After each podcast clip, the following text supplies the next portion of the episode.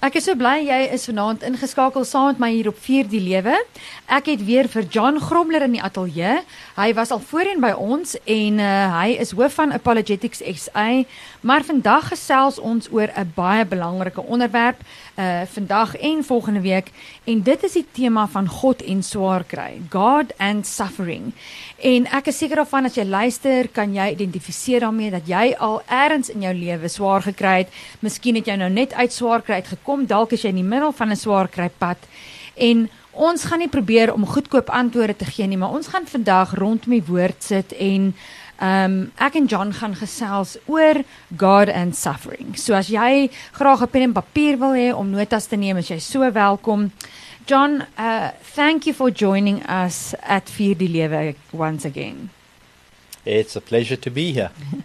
So uh, we have been talking quite for some time uh, off air, but uh, let's dive into our uh, topic for today, and that is the topic of God and suffering. And uh, you always say when we um, head out with the topic, there are the, there are specific suppositions or presuppositions that we um, go from.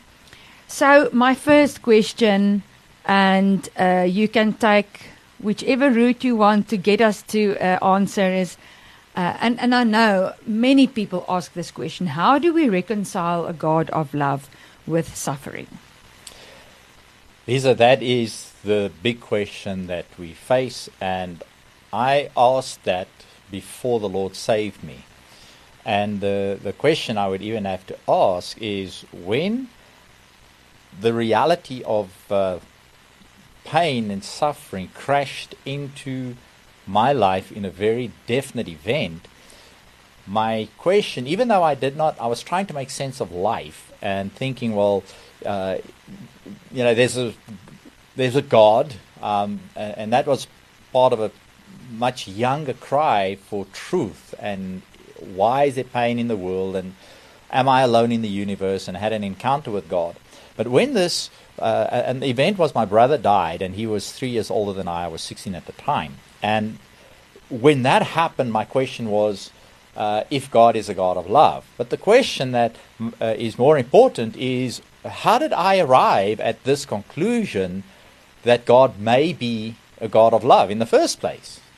So there is, you know, we have this struggle and we have our perceptions and what we would perceive and think about life and when we go through hardship or, hardship or difficulty of any kind, we then react to it based on things that we believe without necessarily having taken time to think through what do I believe and why do I even believe it. So when we're going to even ask the question, um, how do we reconcile a God of love with suffering and evil in the world? let's just take this step back from even introducing God.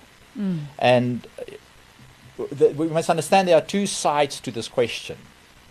We got the philosophical side. We got the side where we where we listen to the claims of different religions, different philosophies, uh, what people are saying, and the questions they raise, and the conclusions that they uh, draw based as they reason through the process, and th- we then establish propositions that we claim to be true. But that I grasp with my reason. But there's another side to the problem, and that is the experiential side. And this is where, from the Christian perspective, I would say we are dealing with the pastoral side of the issue of suffering and hardship. And so, when we deal with this, we've got to realize that we must bring both of those together. I can, I must think through this question. The, the, the problem, though, is uh, in my over the years being a Christian and encountering my brothers and sisters in the faith, I've discovered that people do not want to talk about this issue until something bad happens. Then, when something bad happens and they're struggling to process it, then we want to try and find answers. But in many ways, if we follow that process, then we are driven more by the passion and the struggle on a mm. personal level mm. than what we are trying to really understand uh, the reason for why I would even have those feelings and so on and, mm. and have that struggle when the tragedy strikes. So we, we need to think philosophically through this. We, we need to take time to think through well, what can we understand? What can we know that explains uh, suffering and evil when we look at the world and it hasn't touched me? Mm. So that when I do encounter hardship, though that which I believe to be true, I'm going to find that does not, in my experience, it's almost like these two don't come together. But at least if I have thought through this, I have got a frame of reference within which I start processing my feelings and my experience. But then, secondly, hopefully, and this is the real challenge for all of us as Christians, especially if we call ourselves the Church of Jesus Christ. We are to be part of a community where we understand the, the, the struggle, we understand the truth regarding this, firstly. Secondly, we then understand how we must uh, stand by each other and with people that go through hardship and suffering. Now, I, I want to just take a step back even from here to say this, and, I- and I love the way Timothy Keller put this in his book, Walking with God Through Pain and Suffering. He says this every culture has provided an explanation of human events that bestows meaning upon the experiences of suffering and evil. I, and, and this is so key for us to keep in mind. He says every culture. So, suffering, hardship, pain, uh, disappointment, disillusionment, all of that is a common human experience being part of this world. And so we must then realize that uh, if I'm a Hindu, how, how does Hinduism as a religion uh, answer the claim of suffering? Where does it lead a person to deal with evil and suffering, the origin of evil and suffering, and the experience of it, and, and, and different kinds of evil and suffering? What about Islam? Islam must answer exactly the same question. Um, wh- wh- whatever atheism, materialism, uh, secular Secularism. humanism, secularism, all of it. We, we all have to provide an answer. And so it's not just the Christian that must give an answer to this question. And, and, and what makes, the, makes it so daunting for the Christian is precisely because of the opening statement uh, if God is a God of love. And that is at the heart of biblical Christianity, that God is love. I Yes. mean, John tells us in his letter, 1 John chapter 4, that God is love. Now, uh, uh, again, here are some of those uh, things that I think at where we are at in history at this point in time, we need to th- become back to thinking through when we talk about God, what do we really mean? What are we talking about, and who are we talking about? Uh, secondly, when we want to say God is love, we have to ask the question, what do you mean by love? Uh, C.S. Lewis, in his book The Four Loves, uh, has done a superb job of actually categorizing love as it was understood by four different Greek words: the uh, agapao, storge, eros, and um, phileo. Phileo.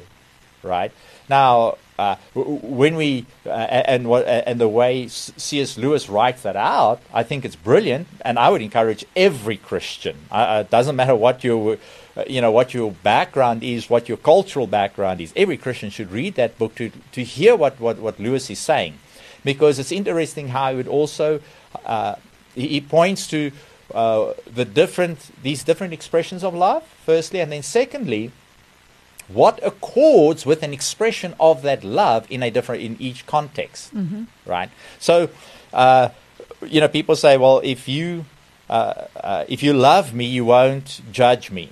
Well okay um, if am i loving if i think it is my right to go around and anybody who drives who maybe cuts me off in traffic that I at the next traffic light I get out of my vehicle and I go and slap them in the face and get back in. Now, um, what is that okay? If I say to you that kind of behavior is wrong, Yeah. that's unacceptable, Yeah. right? Uh, am I am I being unloving? No. No, right? But now, so, so right there, you got to stop a moment and, and, and we must recognize something. When we say uh, what is loving, right there we've demonstrated that love has got a moral boundary. Okay. Okay?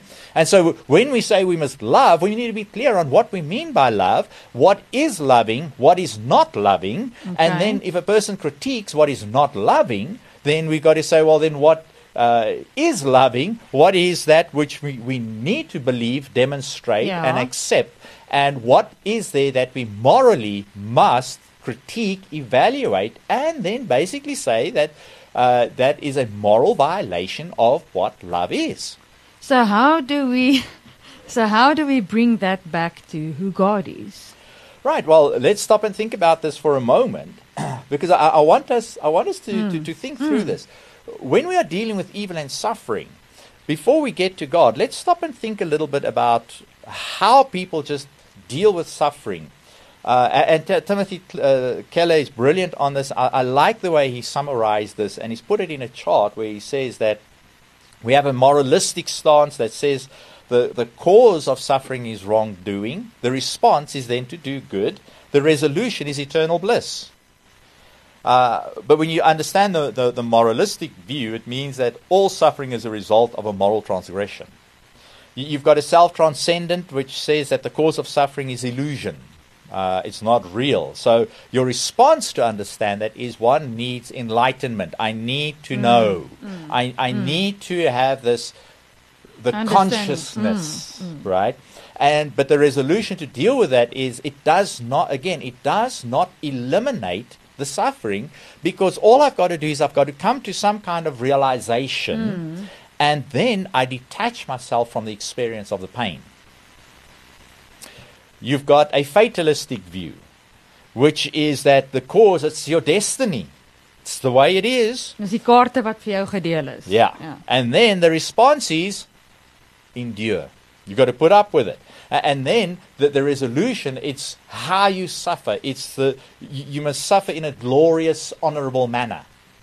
Right? And we're not talking about biblical yet. We haven't got there yet. you see, then we've got this dualistic view, which which understands the, the universe in conflict. You know, and, and and so for all of these are rooted in ancient religions and philosophies. We've got this co- the, the cosmic conflict, and and the response to suffering is that the faithful are purified, um, and there will be a triumph of light. Again, this comes out of a certain religious view. Uh, but then there are two more things that we need to add to that, and this is particularly relevant in the West and what's happening in Western civilization. We've got Western scientific naturalism. And so the world consists of natural forces which operate devoid of anything that could be called purpose, and suffering is simply an accident. It is real, but it is outside the realm of good and evil.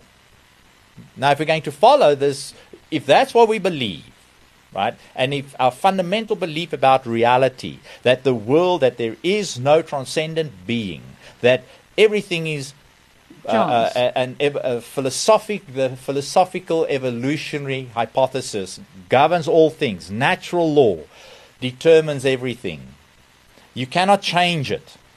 We, uh, as as one uh, uh, biologist uh, put it, is that once we understand what's wrong in DNA or whatever, once we know, we can tweak it and fix it to eliminate whatever we would see as not uh, uh, uh, entities evolving into that almost ideal state of what they should be. Okay. Now, I mean, like, you know, one would think when a person goes to listen to these claims, uh, I, I, I'm, I'm making reference to some very specific people in this, but these are the ideas that they espouse. So, but we, people would reject God, embrace this, but they don't want to follow that philosophy all the way to its end.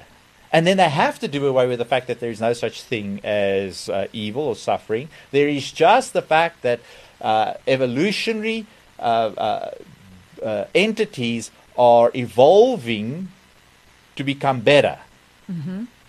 So, uh, Uh, you know, there's no moral question here if we are going to be consistent with this view of reality. We've also got the secular view, which says that suffering is not a meaningful part of life, it's only an interruption. Pain must be managed and lessened. We find the cause of pain and we eliminate it.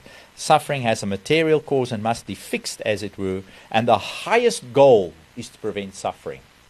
Mm-hmm. So, you, you know, all of these ideas of how we are going to deal with suffering, we need to investigate them and to see, tr- and evaluate the truthfulness of these claims and are the, do they adequately explain reality? And how if I follow these ideas to the conclusion that it necessarily leads me to and then how it would ap- apply to me to alleviate the personal struggle that I'm having, we have to see where is that going to, wh- where do I find myself then? So, you know, uh, there, there is a noted atheist who got cancer. He was, you know, wrote books and. Uh, uh, the, the interesting thing is how many moral judgments he made about God, but the morality that he used by which to judge God was God's morality. And then in, in his mind, he stand, he denies God, but he takes God's morality to judge morality, and then he is exempt from that morality and he's not accountable for it. It- It's such a contradiction, but uh, needless to say, um, he went on and claimed that you know, well, he died, uh, and uh, and so on. Uh, but those ideas that he espoused, and some that are still alive, they're really seeking that they, they do everything to to uh, uh, lash out against the the whole Christian uh, uh, answer to the problem of suffering.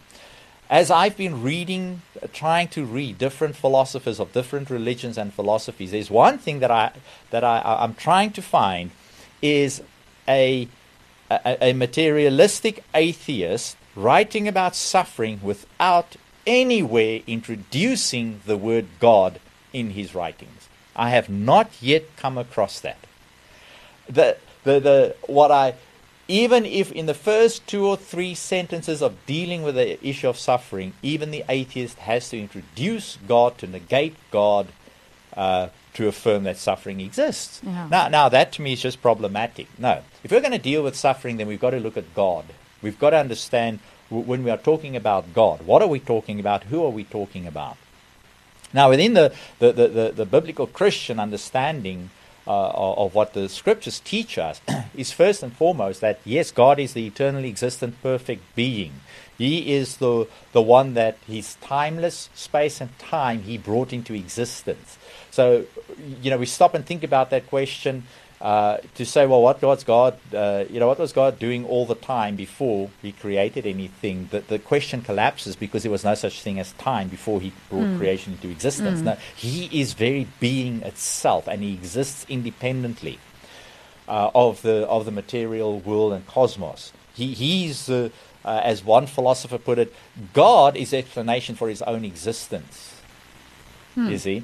And so, when we then pursue an understanding of, of, of when we are talking about God, what are we talking about? We, need to be clear on this.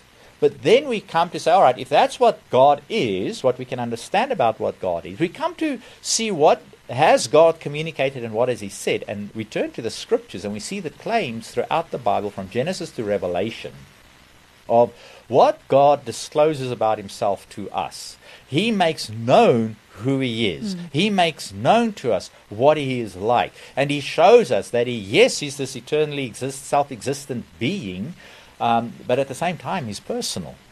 There is this, uh, I think it is Martin Buber wrote this book, I Thou. You know, there's, there's me and you. There is uh, I speak to you. Uh, you know, and, and this is indicates to us that God is personal, even though He's this existent, eternally existent being, so far beyond us. But then He created, and what Scripture shows us is we. I'm not arguing. uh, All I want to just bring to people's attention here is when you read Genesis chapter one. It says that God created uh, humankind in, in his image, male and female, he created them. And right after that, in verse 28, the text says, And God blessed them and said. Now, now right there, we stop and think, you know, uh, is there meaning to the word blessed?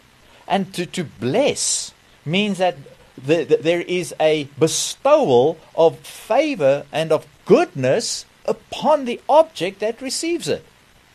So, from the very beginning, what we see about the very first thing we see about God and his interaction with humanity is that he blessed them.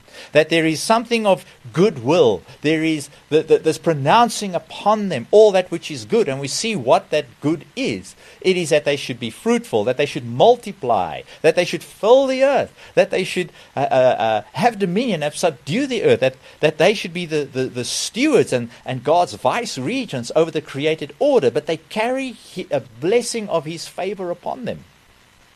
Now, when we then stop just in the opening chapter of the Bible, it shows us when we say God is love, we already begin to see that before we even learn about God is just, God is holy, God is righteous, we see that He blesses humanity with all things good. We see the repetition of the, the created order is good you know, from that, I think we can already start drawing the conclusion that, you know, there, God is good and God is a God of love, as the New Testament goes on so clearly to say to us. But we also see something in Genesis 2 is that God, in creating uh, a human being, he says to uh, the man, uh, the whole garden that God gave is for you. Work it, look after it, keep it. And, and here is the most fascinating thing is that even when we read Genesis 2, uh, uh, God gave the man access to everything in the garden, even mm. the tree of life. Mm. He says, but of the tree of the knowledge of good and evil. Don't eat of it because in the day you do is the day that death is going to come and mm. encroach mm. upon the created order. Yes. You know, so so we look at this and and now we're going back a, a, a, a, little bit here to to understanding if God is love, there must be an object to receive the love. When we say God is love, um, and uh, obviously speaking yet to Christians, and to understand that God is love, we get to the New Testament and we see the unveiling or the God disclosing to us He's a Trinity with Christ and the Holy Spirit. Mm. And so God being the eternally existent one, Father, Son, and Holy Spirit in perfect union and communion, is that there is a love from within God, that it's love is something that is pure, it is holy, uh, it is good, it is between personal beings. Mm. And so if God is that, then you know Genesis 1 and 2 make so much sense that God created, he blessed, and he gives to uh, the humankind the only one prohibition just obey me. Just obey me. That's it. And it was one prohibition. And, and, when we get to Genesis 3, it's so interesting. I mean, even at the end of Genesis 2, the, the, the incredible majesty of a man and a woman. Not a man, a man and a woman. That even the man looks at the woman God made and says, Wow, she's flesh of my flesh, bone of my bone. She will be called woman because she comes out of man. You know, and there is something of the of the wonder of of, of the female species that puts her not above him to be his lord and master, not below him to be his slave, but alongside mm. him to be a mm. companion. Mm. And again, the, the philosophical implications of that are, are huge because we see then in there there is to be a, a, a relationship of love and trust Mm. Not self consciousness, self awareness, but a complete giving.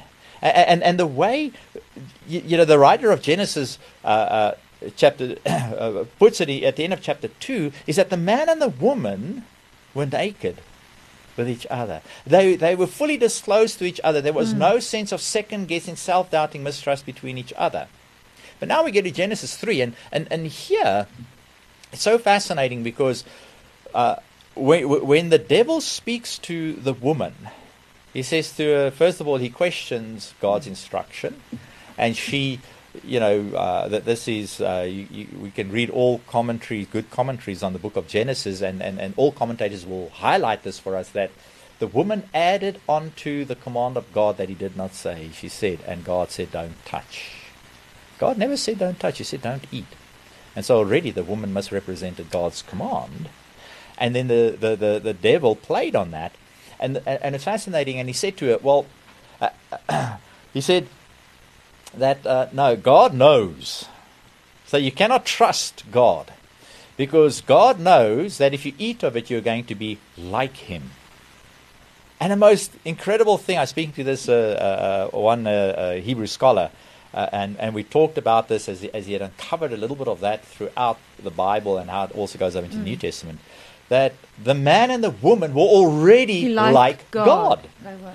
And so, in that moment of deception, the woman having added something to what God said, she misconstrued what God said, misunderstood what she, who she already was, and then her and the man rebelled against God.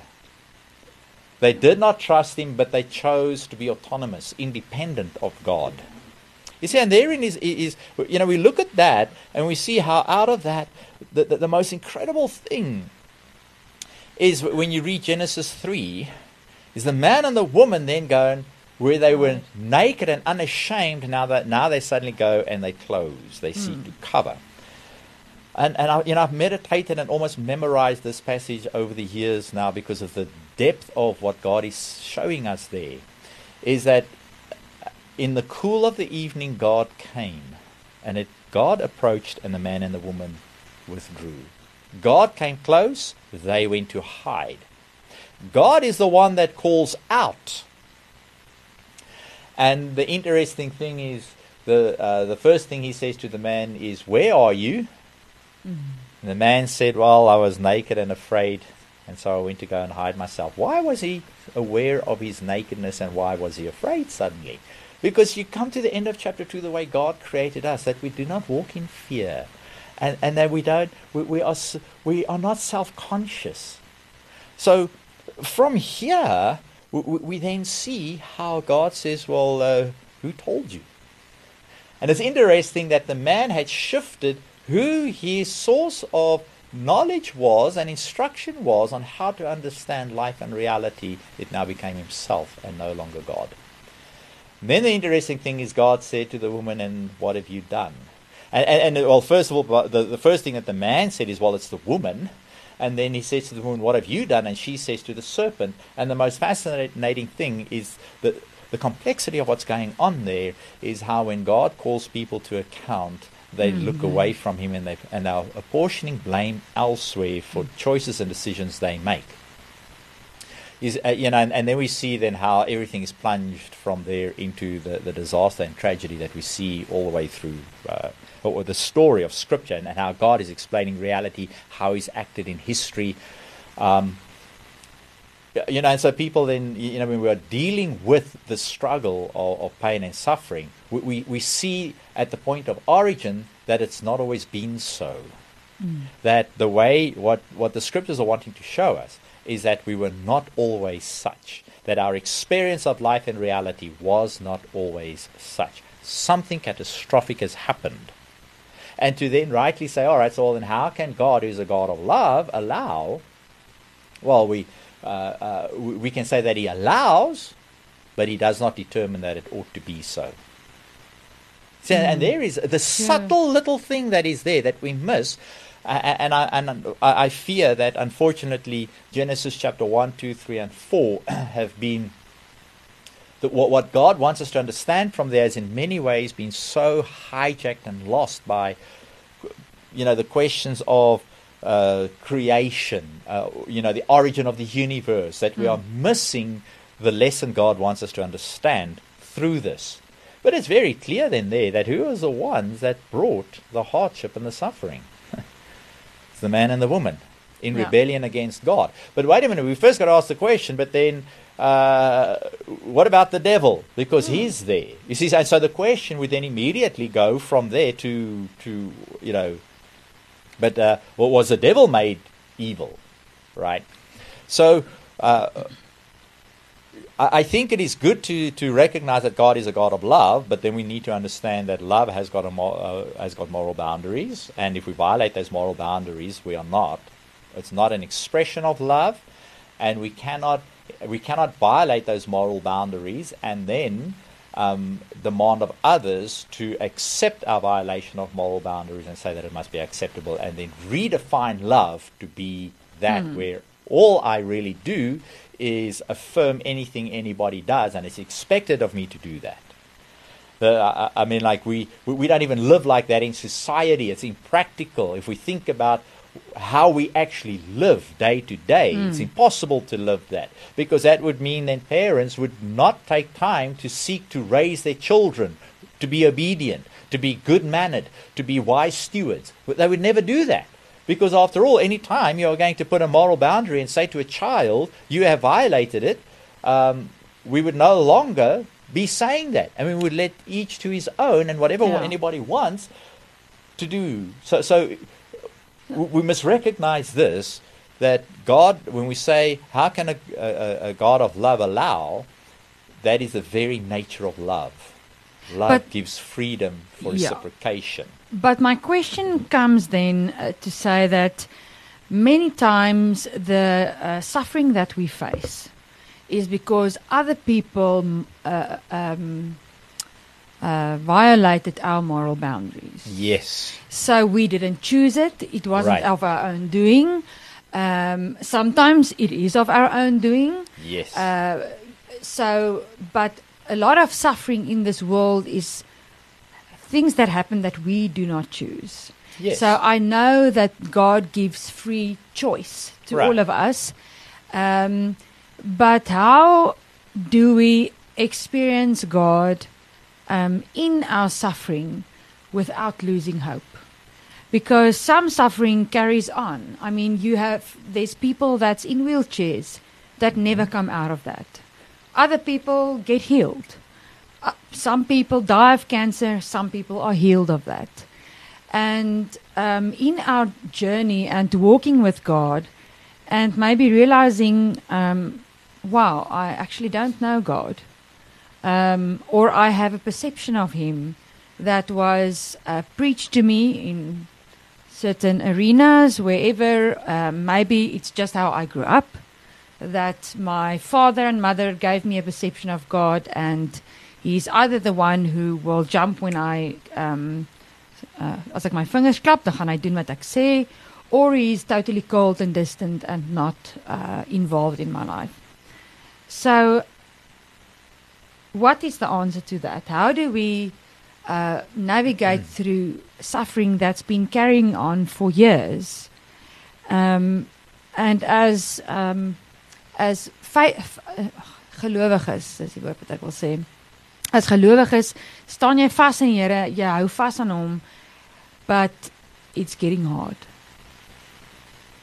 And Lisa, there is the question that we need need to take this th- through and carry it through. We need and we need to think carefully through. W- w- you know, when we talk about suffering and hardship and so on, what do we mean? Do we all agree on exactly what it is? Do we do we all understand it in the same way? Um, there's a, a, uh philosopher, um, uh, I think his surname is Waiki, that wrote uh, a brilliant article back in two, 2003 after 9 11 uh, where he raises this question just to show the complexity of it. When we're talking about suffering, do we all agree on what we are talking about? Do we understand how we define it? Do we understand uh, uh, agree on our definition of evil? Uh, do we all agree on how much is too much?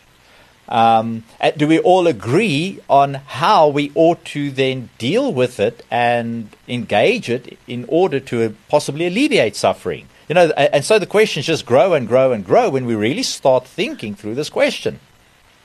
Now, there are two things that um, you, mentioned, which I think uh, we, we can separate and also think through and answer. The first one is what happens when other people inflict hardship and suffering on us? And that is precisely the question. That is, th- that is what we struggle with, right?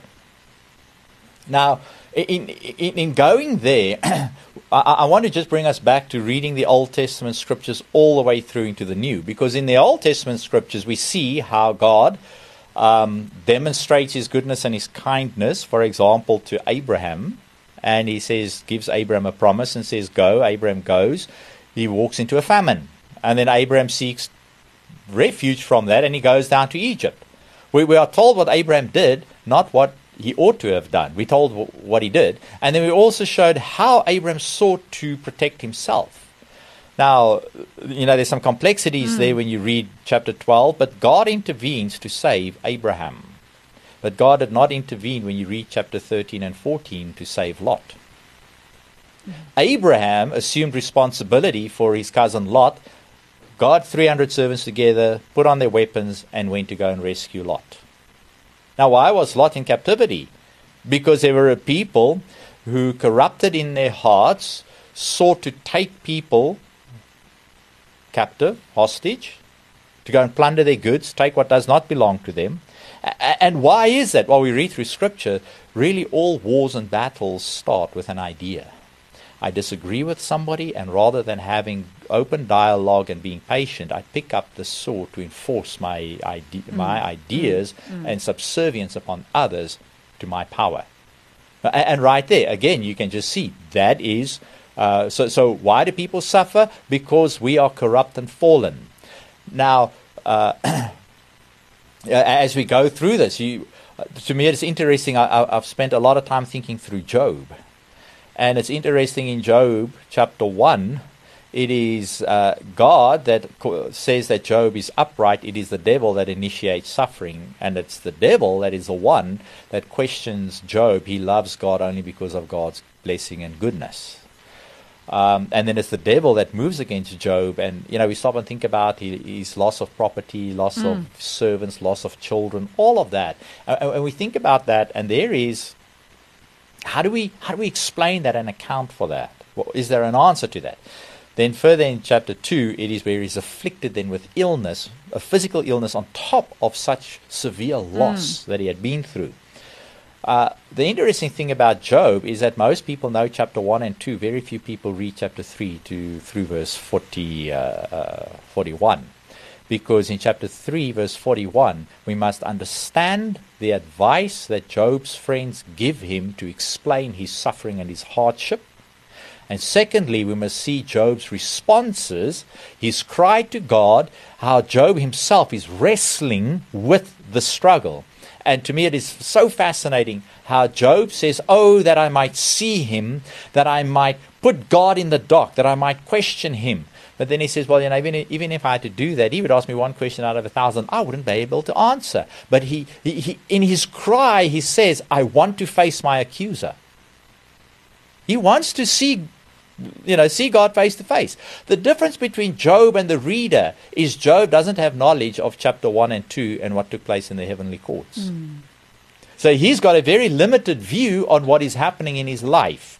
And I think we need to realize something there that in many instances we don't know the full spectrum of what is going on in any given situation where there could be hardship or suffering of whatever nature. Um, but then also to see that there is legitimacy to seek to enter into conversation and dialogue, even argumentation with God. Because we get to the end of the book of Job, God does not correct Job for battling with his struggle. But he gives Job what Job asked for, which is an audience.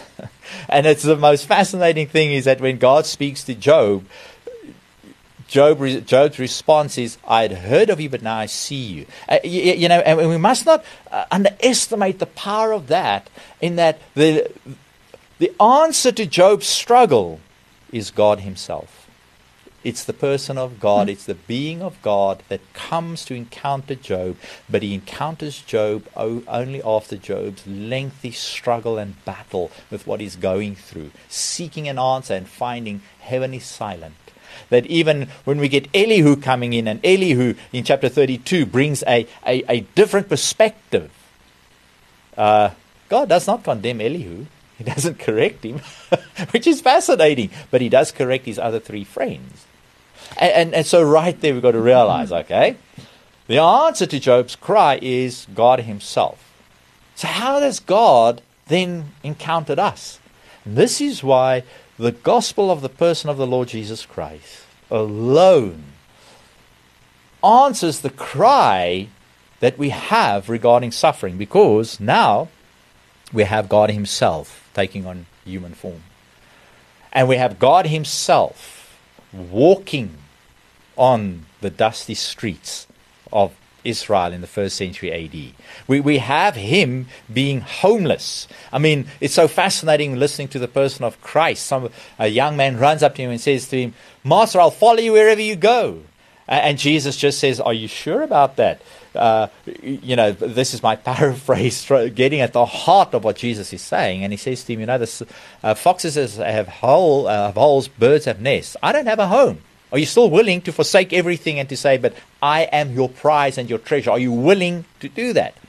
And so when we look at the person of the Lord Jesus Christ, he didn't own his own home. Really, the only thing that I can see that Jesus owned or possessed, he owns everything because he's Lord of the universe. The only thing he possessed while he walked on the earth was the clothes that he bore on his back. That when they crucified him, they cast lots to steal the very least earthly possessions mm. that he had, which was his clothes. You know, so we look then how God enters into this world and what he does do. Matthew tells us that he carried our sicknesses. He bore our pains and our sufferings. He, he lived in this world understanding what it meant and experiencing what it means to live in a world beset by tyranny. I mean, the Jews were under the Roman government. They were being oppressed. Their taxes, exorbitant. Corruption in the Roman government rife, brutal su- suppression of disagreement, most horrible kind, immorality unspeakable. Jesus lived in that world. He, he, he lived in a world, and, and, and this is where we, the, the more I, I read the background and I, and I know where Jesus grew up, I begin to see how Christ lived in a world and he carried and went through all the, the worst kinds of evil that human beings would go through as perpetrated against another human being, he carried it all.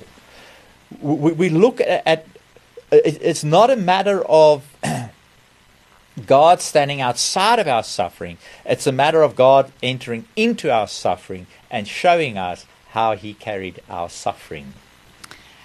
Now, again, as you are listening tonight, uh, we have a real topic of God and suffering and how to how do we um hoe vat ons hande 'n God van liefde en swaar kry. Maar ons is nou amper op die einde van ons gesels and we're again finishing on a cliffhanger because we're not done yet. Uh we're only getting started. And uh you please uh be sure to tune in next week Sunday for the follow up of our uh conversation about God and suffering. Uh, John, it feels as if we're leaving our listeners in the air, but it also gives a yearning to go back to the scriptures and and also wrestle with God. So thank you for your time and your wisdom, and uh, we look forward to our next session. Good.